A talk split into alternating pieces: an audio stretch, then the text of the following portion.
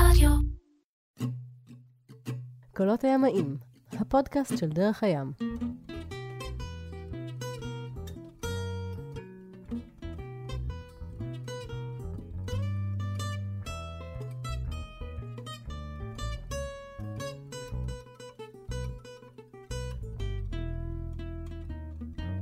קולות הימים, הפודקאסט של דרך הים, אנחנו עם אלון דגן, שהוא הריגר של אה, דרך הים, אה, מומחה למפרשים, one sales, אתם יכולים לראות את הלוגוים האלה על כל המפרשים שלנו, כמעט, ואנחנו נמצאים על יאכטה של דרך הים, לא מצאנו שום חלל שקט אחר להקליט, אז תפסנו את היום שמש הזה בתוך הסירה, דווקא חביב בעיניי. המקום הכי טוב בעולם. אה, בוא, בוא נדבר קצת עליך, ואז הבטחת לי שנדבר קצת על עולמות הריגינג, כל מה שקשור למערך של היאכטות אה, שלנו, אה, מערך של יאכטות בכלל, וככה לפני שהתחלנו להקליט כבר שמעתי כמה סיפורים שאני רוצה לשמוע עוד פעם on the record מה שנקרא, אה, אבל נתחיל ב... מאיפה אתה בא, איך אתה מגיע לים? אז אני התחלתי להפליג בגיל בערך 12, משהו כזה, הייתי דייג בחוף הסלע בבת ים, וראיתי מפרשיות יוצאות מחוף הסיפלס. אה, אימא שלי עבדה בבנק לאומי, ולבנק לאומי היה במועדון השיט בבת ים אה, שתי סירות של, לטובת עובדי הבנק. אמא מה שלי שאלה אומר? אותי, כן, אמא שלי שאלה אותי, אתה רוצה ללמוד? אמרתי, למה לא, נשמע לי נחמד, אה, בוא נלמד. אה, ועשינו באמת קורס שיט. כשסיימנו את הקורס אה, אה, מנהל המועדון, אלי אבינועם, אמר לי, תשמע, אולי אתה רוצה להתחרות בשיט, הוא ראה את הפוטנציאל כנראה, ואמרתי לו, תשמע, זה לא בשבילי, אני בדיוק הפסקתי להתחרות בשחייה, עד שנפטרתי מתחרויות, אני לא חוזר לתחרויות. אבל איכשהו שכנע אותי, ואחרי יומיים מצאתי את עצמי במועדון זבולון בת ים, אה, מתחרה בשיעוט אה, אזור, זה היה ביפו, איזה סירות הפלגתם? סירות אה, שחף, שאחרי זה שינו להם את השם ל-350. הפלגתי עם אמיר אבינועם, עם אח של אלי, בדיוק חסר לו איש צוות. שחף הייתה סירה עם תורן אחד, כן, מפ- פשי חלוץ וספינקר. אה, היה חלוץ. כן, זה הדגם נוער בעצם, זה הדגם שאיתו התחילו להתחרות. אחריו עברו ל-420 ואחר כך ל-470. אז עוד לא הייתה אופטימיסט בארץ. זו סירה לשני אנשים, אה, באורך של שלושה וחצי מטר, אה, סירה מאוד ידידותית, אה, בלי טרפז, יושבים על הדופן ומאזנים. זאת הייתה סירת נוער. רק בשנת אה, 80 ומשהו נסענו לאחת התחרויות, נדמה לי הייתה אליפות עולם ב- בהונגריה, ואני נסעתי עם המאמן להעביר את הסירות מצרפת להונגריה לתחרות, ועצרנו במפעל באיטליה, קוראים לנו טיבלה. ואמנון סמגור המאמן שלנו נורא רצה להכניס את האופטימיסט לארץ אז דיברנו עם הבעלים ואמרנו תשמעי אנחנו ישראלים ואנחנו רוצים להכניס את הדגם וכזה איכשהו יצאנו מהמפעל עם סירת, דג, סירת דוגמה אחת על? הטריילר וזה, וכך הגיע האופטימיסט לארץ. וואו, אני שמעתי שלושה סיפורים שונים על איך הגיע האופטימיסט לארץ. אחד מהם נמצא בשדות ים, אחד נמצא, נמצא במרינה בתל אביב, והנה סיפור שלישי הנה על סיפור בת ים. שלישי שהגיע כן כנראה שהגיע יותר מסירה אחת. כנראה. אה, אה, אז אלון, בעצם התחלת כשייט תחרותי, התחלתי לאט. ישר כשהיה תחרותי, זאת אומרת ישר התחרתי, לא עברתי אפילו, בשלב, בדרך כלל הדרך הייתה להיות על סנוניות, ללמוד חתירה, ללמוד אה, מפרשים, ורק את הטובים העבירו לתחרותי. אני עשיתי קורס מזורז בסנוניות, וישר הגעתי לשיט התחרותי. אה, הפלגתי עם אמיר אבינועם לתקופה קצרה, אחר כך הפלגתי עם שי בכר תקופה קצרה. אה, אני יותר מבוגר ממנו בשלוש שנים, אז עברתי ל-420, הפלגתי עם אלון סולומון, אחרי שנה, ואחרי שנה עברתי להפליג עם איזי. איזה סוויסה. איזי סוויסה, כן. הפלגנו חמש שנים ביחד, אה, שנים מאוד מוצלחות, עם הישגים מאוד מאוד גדולים. עברנו ל-470 ביחד, ואז... אה, כל המספרים האלה, למי שלא מכיר ומבין בעולם השייט, אלו דגמים של סירות, 420, דגם 420 של הוא דגם בינלאומי. 4 מטר ו-20, זה כן. סירת מועדון, מה שנקרא סירת club, אה, עדיין לא דגם אולימפי, ו-470 שהיא קצת יותר ארוכה. כן, 4 מטר 70. וקצת יותר משוכללת כן. מבחינת האפשרויות, אה, איך נקרא לזה, לשחרר לחצים כן, יש יותר מהמפרש. שליטה במערכות, הרבה יותר אפשרויות שליטה, סירה יותר גדולה, יותר מקצועית. אה, ו-420 היא דגם אה, בינלאומי, יש אליפויות עולם, אליפויות אירופה, יש תחרות בכל העולם. 470, היא- יש בה גם את האולימפיאדה. אז הפלגתי עם איזי על 470 כשנה, אחרי שנה לא הפסקנו להסתדר, איזי המשיך להפליג עם מישהו אחר, עם רן מירוביץ', ואני חזרתי להפליג עם שי בכר על 420. עשינו עוד פעם שנה מאוד מאוד מוצלחת, ועברנו יחד ל-470. אה, מאז אני השתחררתי מהצבא והחלטתי שאני ממשיך את דרכי אה, אה, בעולם אחר, ונסעתי לחו"ל. לאן?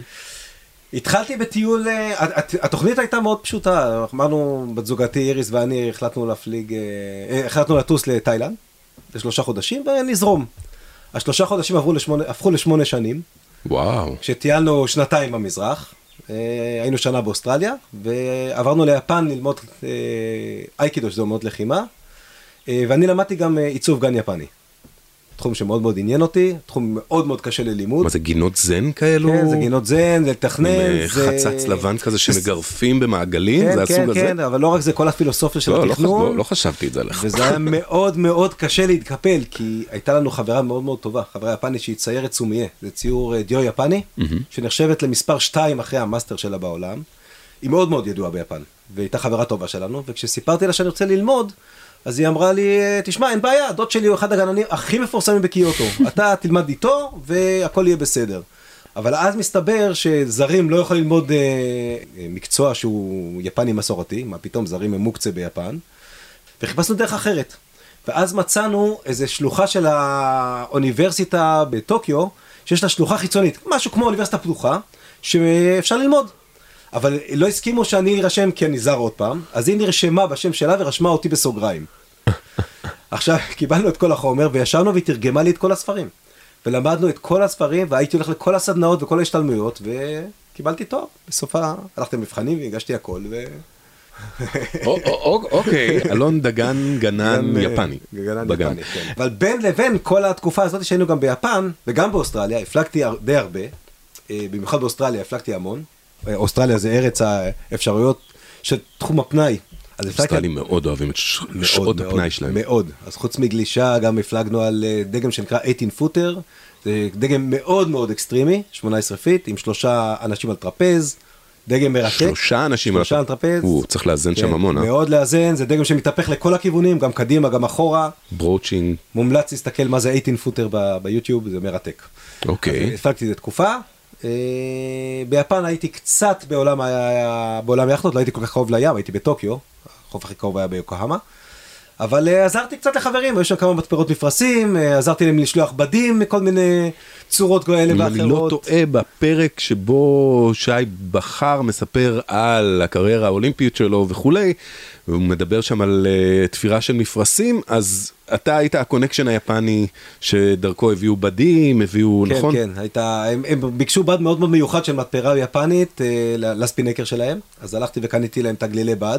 היות והגודל היה גדול מדי לשלוח בצורה אה, רשמית, אז היינו צריכים לתחמן קצת במספרים אה, מבחינת המדידות של החבילות, והצלחנו לשלוח את זה לארץ במחיר... אה, גזרנו ושמנו את זה במעטפות. המטר לא בדיוק מהאפס, אז גנבנו סנטימטר ימינה וסנטימטר שמאלה, אבל זה הסתדר. קול.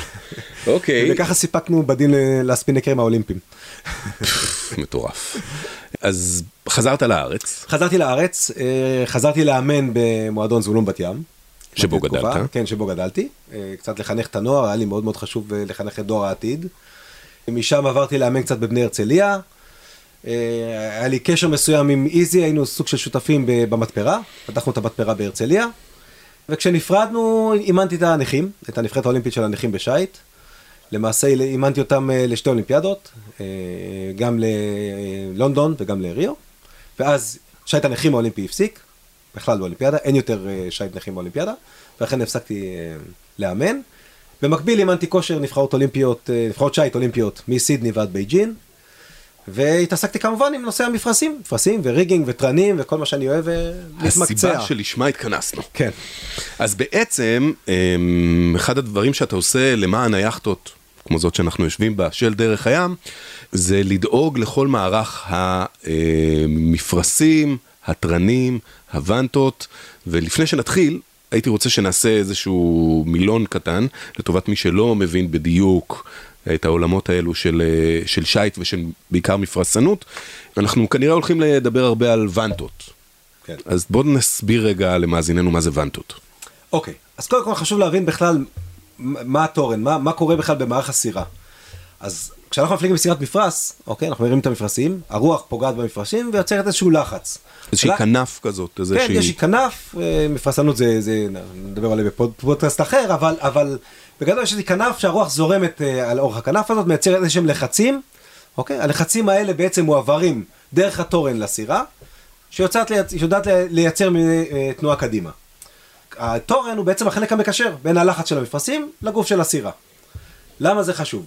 אז היות ודיברנו על חלוקת לחצים, אז בעצם התורן הוא סוג של פרופיל אלומיניום, אוקיי? מין צורה אלומיניום, שיודעת בעצם להחזיק עומס מאוד מאוד גדול. אבל התורן לא יכול לעמוד לבד על הסירה. כי תחשבו שצינור של 20 מטר עומד על סירה, הוא בעצם ייפול. מה שבעצם מחזיק אותו, מחבר אותו לסירה, הם הוונטות. עכשיו, וונטות בעברית נקרא, נקראים יתרים. אה, זה כנראה רק במילון כמו מילון אבן שושן כזה, כי אף אחד לא משתמש במושג הזה, אבל זה, זה השם. מסתבר אגב שהיה פעם כינוס של האקדמיה העברית.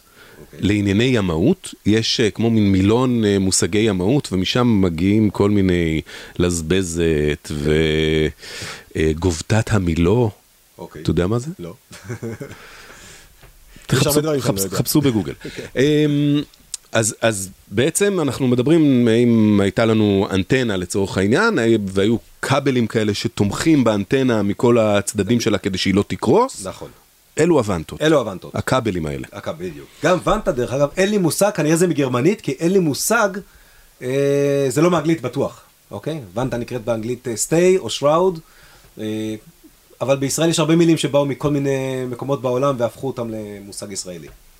אז וונטות כולם מכירים, כולם משתמשים, נוח להשתמש. אוקיי, אז וונטות, יש לנו בדרך כלל על אה, מערך, אה, יש וונטה קדמית, כן, יש וונטה קדמית, שראודס, וונטה אחורית, יש שתי וונטות אחוריות שנקראות קאפס באנגלית, שמגיעות או מראש תורן, פחות או יותר מהחלק העליון, ויש אה, וונטות אינטרמדיה, שנקראות D, שהן בעצם תומכות מנגיד שליש התורן, חצי התורן וכלפי מטה. כל מערך הוונטות בנוי ככה, אחד, שהוא ייתן לנו תמיכה שהתורן יעמוד, ושניים, שייתן לנו תמיכה מול עומס המפרשים שמפעילים, שמפעילים לחץ על התורן. גם בעצם באמצעות, והנה נוסיף עוד, אה, עוד מושג, אה, מושג מצליבים, מצליבים נכון. באמצעות נכון. המצליבים הוונטות גם לוחצות את, את התורן התורן מהצדדים. נכון. המצליבים זה בעצם אה, פרופיל אלומיניום, די שטוח, שמחובר בניצב לתורן, בערך בניצב לתורן. יעני אופקי. כן, אופקי, בדיוק. והוא נותן תמיכה גם מבחינת לחץ על התורן וגם מבחינת אה, אה, אה, כוח שבירה הצידה. כמו גשרים למשל, שיש מתחתם, יש משולשים מתומכים, שנותנים חיזוק לאורך, לאורך הגשר. פה, בגלל שהגשר הוא לא, הוא לא מאוזן אלא הוא ניצב, אז אלה, זה, זה בעצם תפקיד המצלבים. יש כל מיני סוגים של מצלבים, סוויפט זה מצלבים שבעצם בזווית כלפי, פונים אחורה, אוקיי? זאת ו... אומרת מהתורן, מהתורן לכיוון נכון, הירכתיים, נכון, ויש מצלבים שהם ניצבים, 90 מעלות. מה שבעצם חשוב אה, זה להתאים את הנושא שהתורן מותאם לסירה, כי הצ'יינפלט, הנקודות שבהן הוונטות מחוברות לסירה, נמצאות במקום מחוב... מסוים בסירה. הצ'יינפלט אלה, לוח... אלה לוחות? לוחות, אה, לוחות אה, נירוסטה שבעצם מחוברים לסירה ומקשרים. נצ... נצמדות לדופן, בדרך כלל יוצאות איפשהו מהסיפון עם איזה נכון, אוזן. ומחוברות כמובן לצלע הסירה, כי כל העומס מופעל עליהן, אוקיי? והן בעצם מקשרות בין הוונטות לבין הסירה. בין הארוכות לבין הסירה. אז המיקום שלהם ביחס לבסיס של התורן מאוד מאוד חשוב. כך שאם הם יהיו בעצם מג... אה, בהמשך הקו של התורן, ביחס לסירה, אז המצבים יהיו ישרים, ואם הם יהיו אחורה, במקור, אחורה מבסיס התורן, אז המצבים יהיו אה, בעצם פועלים בזווית כלפי אחור. ואז ש... קצת ימשכו את התורן בדיוק. אחורה. זה נותן לנו בעצם, זה, את, אה, מצלבים שנמצאים בזווית אחורה, נותן לנו אפשרות בעצם לתת, הקריס, לתת בטן בעצם לתורן, ולשלוט בעצם על הנושא של, של, של, של אה, אה, שליטה על הבטן של המפרשים. בעצם תורן טוב, או בכלל תורן אלומיניום, הוא תורן גמיש. הוא תורן גמיש, עדיין יש אפשרות, בעצם, גם בתרנים של אלומיניום, יש כל מיני פרופילים, ויש תרנים שהם אחידים, אוקיי? שהתורן, כל הפרופיל מלמטה עד למעלה הוא אחיד, ויש תרנים שנקראים טייפרד, זה תרנים שבעצם אה, אה, הופכים להיות צרים כלפי, בחלק העליון שלהם. כדי להוסיף גמישות. להוסיף גמישות בחלק העליון, בדיוק. החלק העליון של המפרש זה חלק שעובד מאוד מאוד חזק מבחינת הכנף של המפרש, אה, ומאוד חשוב שהוא יוכל לעבוד ויהיה עליו שליטה. ואת הסיבות למה צריך להשטיח את המפרשים, ויום אחד בשיעור יום מפרסנות, אחד מפרסנות נלמד את זה. זה כן. אבל uh, ככלל, זה המערך שלנו. נכון. אלו החלקים שלו. uh, אולי עוד, כי תכף נדבר עליהם וככה זה, אבל אולי עוד דבר שכדאי שנלמד זה מה זה בקבוקים. אוקיי. לפני הבקבוקים שנייה אחת, רק חשוב לדעת שיש כל מיני סוגים של תרנים. זאת אומרת, תרנים יש אלומיניום, שזה התרנים הכי נפוצים. היום. אוקיי, כיום. אבל יש גם תרנים מקרבון. אוקיי? שהם הרבה יותר קלים, הרבה יותר קלים, בסירות גדולות או תחרותיות, כל גרם מאוד מאוד חשוב, ובטח בסירות מאוד מאוד גדולות, תדמיינו תורן של 60 במיוחד, מטר. במיוחד גרם שנמצא בגובה. בדיוק, כל גרם שנמצא בגובה 60 מטר הוא מאוד מאוד משפיע. ולכן הנושא של המשקל מאוד מאוד חשוב, אה, או בסירות גדולות או בסירות תחרותיות, כמו שאמרנו. פעם היו גם תרנים מעץ. היום כבר לא עושים, אבל...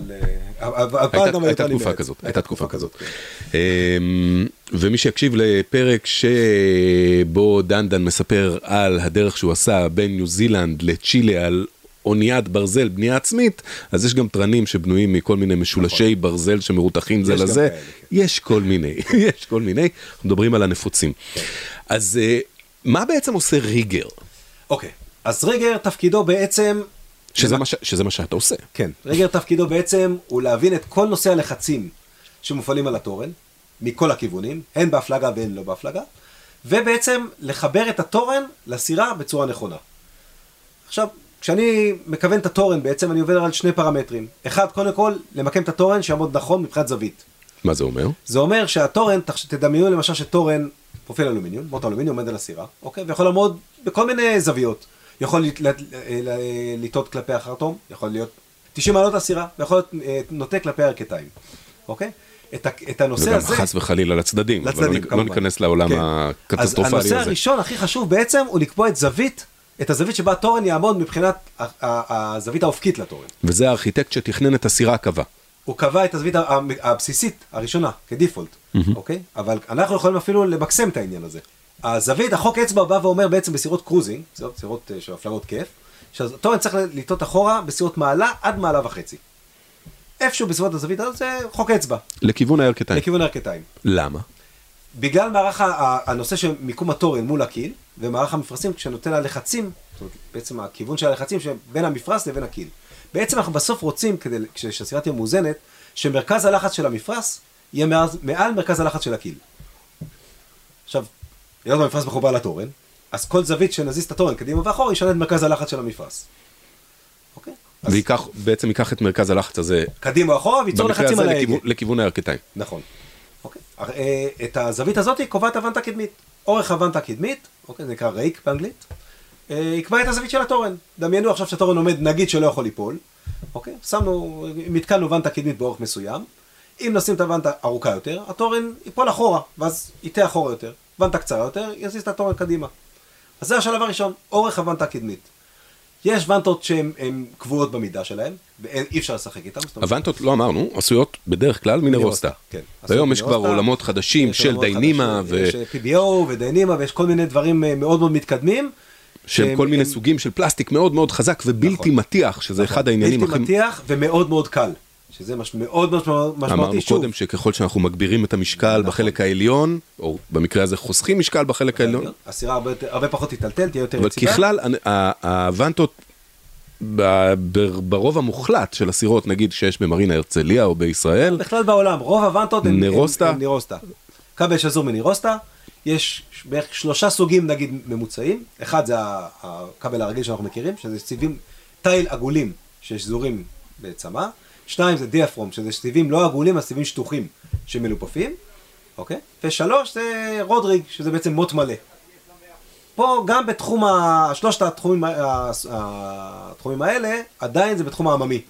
אוקיי. בסדר, עדיין- אפשר לראות את זה גם בסירות קרוזינג מאוד מאוד גדולות, וגם בסירות תחרותיות קטנות, ולא עוברים לדברים המתקדמים שהם מאוד מאוד יקרים, והם לא... שזה דיינימה וכל העולמות כן, שדיברנו עליהם. PBO וכל מה שדיברנו עליהם אה, קודם. אה, אז דיברנו על הוונטה הקדמית שמותחת את התורן ומחליטה על הזווית על שלו הזווית. קדימה, אחורה, האם הוא, האם הקצה העליון שלו נוטה לכיוון הירכתיים מעט או לכיוון החרטום. נכון. אוקיי, זה השלב הראשון. השלב השני זה ונטה אחורית. בעצם הנושא הפיזיקלי של הוונטות, של הכבלים, הם תמיד ונטה אחת שמחזיקה עומס מול הוונטה השנייה. ולכן אם יש ונטה קדמית, מולה היא תמיד ונטה אחורית, בדרך כלל מחוברת מאותה נקודה, אבל יש עדיין שתי תצורות של תרנים. אחד שנקרא must head, אוקיי, שבעצם הוונטה הקדמית והוונטה האחורית יוצאים מראש התורן, ושתיים פרקשנל, שבעצם הוונטה הקדמית ממוקמת שמינית. שני מטר מראש התורן בערך. כן, זה בערך ש- שבע שמיניות או באזור הזה. יש גם כל מיני אחרים, אבל... שמינית מ- או, אה, גובה התורן הכללי, לשם מתחברת הוונטה. הקדמית. מה שזה בעצם מאפשר לנו, זה מאפשר לנו לשלוט על הכיפוף של התורן דרך הוונטה האחורית. כי למעשה אם הוונטה הקדמית והוונטה האחורית יהיו מחוברות באותה נקודה, נמתח את הוונטה האחורית, זה רק יפעיל עומס על הוונטה הקדמית, אבל לא יכול לכופף את התורן. ואנחנו רוצים את אנחנו האפשרות רוצים לכופף לכופף את קצת התורן את כדי התורן. לשלוט במפרשים, בגזרה של המפרשים. אז אלה שתי התצורות הכי אה, נפוצות, אוקיי? אבל מול וונטה קדמית תמיד יש וונטה אחורית. מתחנו את הוונטה האחורית רק בשביל לאסוף את הסלק. זאת אומרת, למתוח, כשהתורן יעמוד יציב עכשיו מבחינת קדימה אחורה ולא יזוז. ואז עברנו לוונטות הצדדיות הארוכות. הוונטות הצדדיות הארוכות יקבעו בעצם, בשלב הראשון, אם התורן לא יסטה ימינה או שמאלה. התורן יכול להיות הרי פונה לצד ימין, יותר מאשר לצד אמרנו שהוא. גמיש, כמו אטריה הוא כמעט. גמיש וגם יכול לטעות, אם אנחנו מחברים אותו רק בין וונטה קדמית לאחורית, עדיין הוא יכול ליפול לצדדים. אוקיי?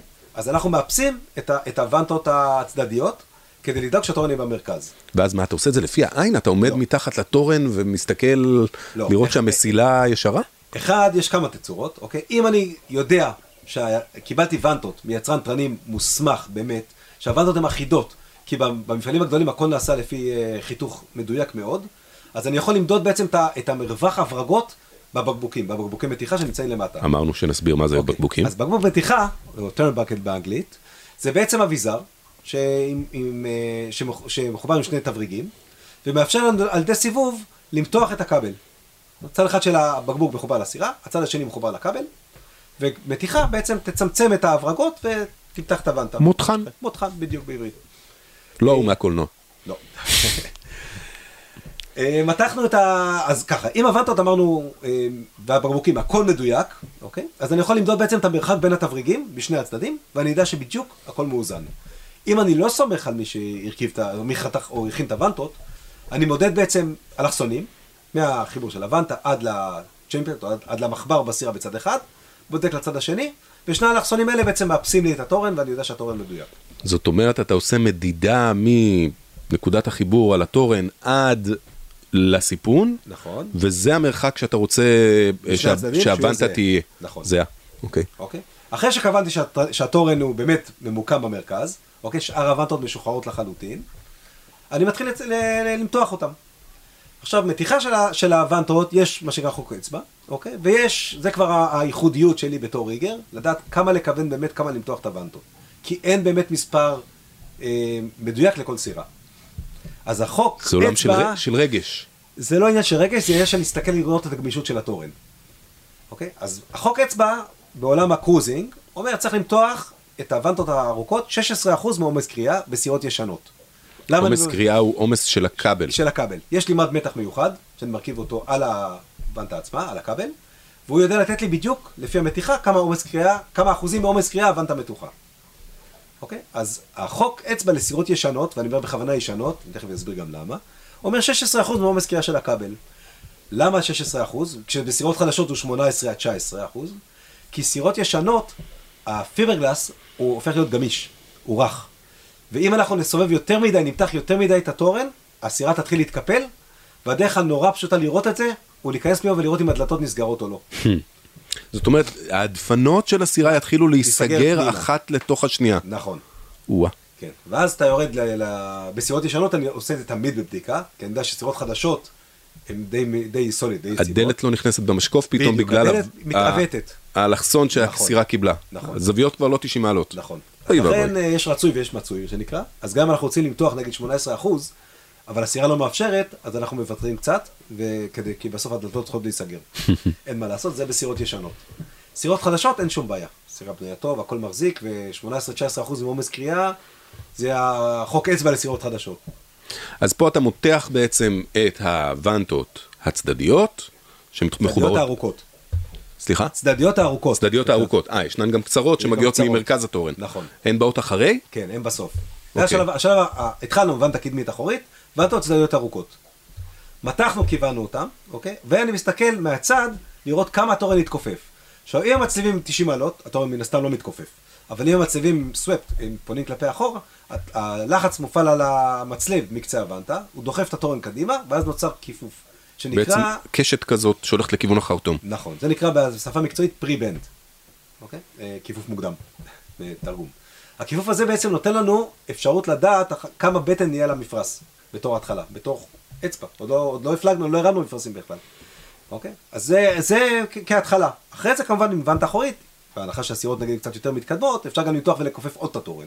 אבל ככיפוף בסיס, זה הכיפוף שאני נותן בהתחלה, וגם כיצר מפרשים, אני מודד את הכיפוף הזה לפני שאני מתכנן את המפרשים.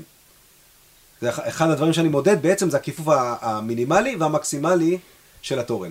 כדי לדעת, כדי לדעת כמה בטן לתת למפרש, שאני אוכל לשלוט בה, לעשות אותו יותר שטוח, יותר מבוטן, תוך כדי הפלגה. מדובר בסנטימטרים בודדים, נכון? ב- כן. בסופו של דבר, מהצד של ייצור המפרש. כן, כן. פרי, פריבן, פריבן בסיסי הוא בסביבות חמישה סנטימטר, משיא הבטן שלו. זאת אומרת, אם הייתי מעביר אה, מיתר ישר ישר ישר על השפה האחורית של התורן, אז בעצם בינו לבין הקשת הזאת היו חמישה סנטימטרים. סנטימטר, כן. כשבסירה תחרותית נגיד, בסדר, בסירה נגיד שלנו, שאנחנו מותחים ואנטה אחורית, אנחנו מגיעים גם ל-20, וואו, כן, ב-X. ב-X. ויש מקומות שמגיעים גם להרבה יותר. אז- 20 סנטים? 20 סנטים, זה הרבה, מאוד. אבל זה התחום, תחום אה, tolerance שנותן לנו לשלוט במפרשים. אה, אז אלה המתיחות של הוונטות הארוכות. אוקיי? אחרי שקבענו את המתיחה של הוונטה הארוכה, אוקיי? אנחנו בודקים את, ה, את ה-D1, זה הוונטות שבעצם יוצאות מ, מתחת למצלב התחתון, ומתחברות גם כן ל chainplate ליד הוונטות הארוכות. הן בעצם עושות פעולה הפוכה. הן בעצם מיישרות את התורן, חוץ מהתמיכה הצידית. אוקיי? ואני מותח אותם ביחס לכיפוף של התורן. זאת אומרת, הם בעצם, אני משחק בין המתיחה של הוונטה הארוכה לוונטה הקצרה, ביחס ל pre-bend, מה שקראנו. ביחס ל pre-bend, כדי ליצור pre-bend נכון.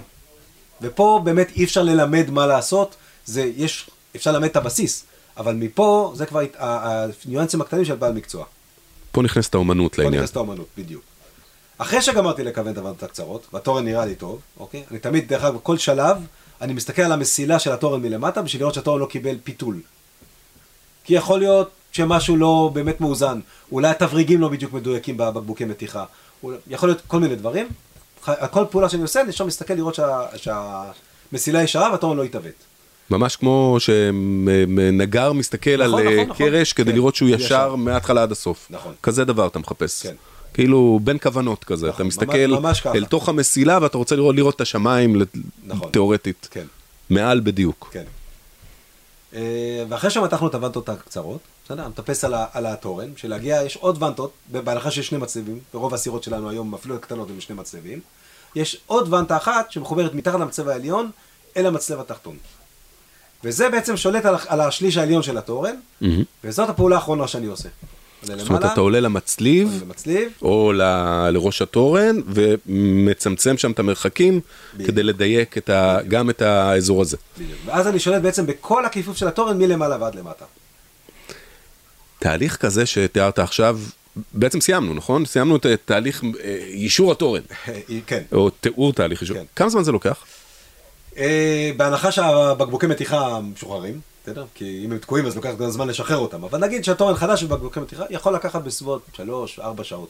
שלוש-ארבע שעות שאתה עובר ממותחן אחד למותחן השני באיזשהו סדר, כן. ורץ על כל המערך הזה, ובסופו של יום יש לנו תורן שעומד בדיוק כמו שהוא צריך, עם הזווית המדויקת שלו, ואנחנו מוודאים שאתה, אני לא, אתה מוודא שהוא לא אה, מפותל, ושהוא יכול להחזיק את כל העומסים. כן.